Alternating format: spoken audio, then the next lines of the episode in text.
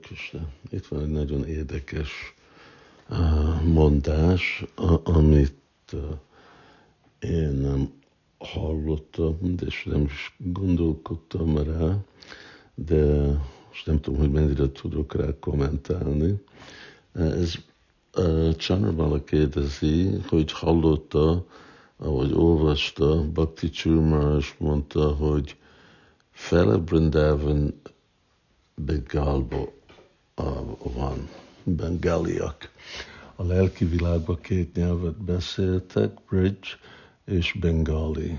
Goloka Brindavanban bridge beszélnek, és Goloka Navadvipa a bengalit beszélnek, és Vajkotába szanszkritot, szóval szanszkrit egy alacsonyabb rendű nyelv.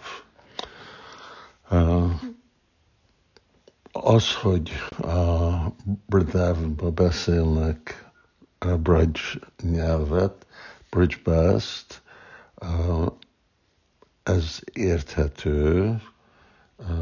Amúgy Rupa Goswami-nak a írásaiban ott bridge bass és szanszkrit van Brindavanból. Az, hogy szanszkritot beszélnek vagy Kvantába, az tiszta. Na most, hogy Navadvipa beszélnek bengali. Uh, hát persze uh, Csaitamritában is vannak uh, szanszkrit uh, versek, szanszkritet idéznek, az biztos, hogy, hogy az ő nyelvük bengali, el tudom fogadni, ha Bhakti Csúszai Maharaj ezt mondja, eh, ha valaki tudja, hogy ennek mi a forrása, eh, vala lehet, hogy ez Bhakti Vinótákor, Bhakti Santa Saraswati Thakur, Prabhupától igazából nem, eh, nem hallottam, ugye Bhakti Santa Saraswati Thakur mondja, hogy időben, a jövőben mindenki fog megtanulni a bengálit csak arra, hogy olvasni Chaitanya Chaitamritát, az nagyon elfogadható, hogy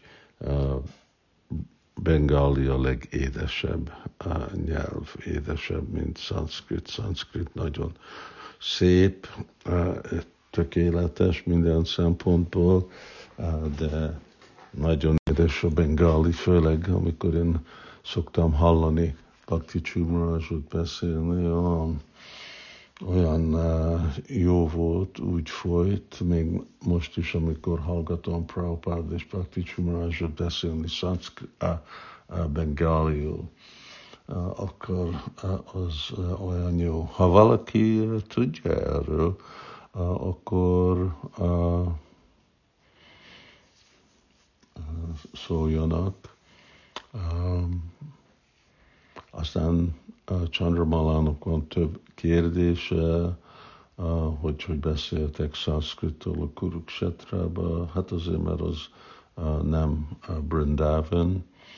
Uh, nem, nem tudom, uh, uh, hogy uh, ezek pont ugyanazok a, a nyelvek, uh, de egy nagyon érdekes idézet.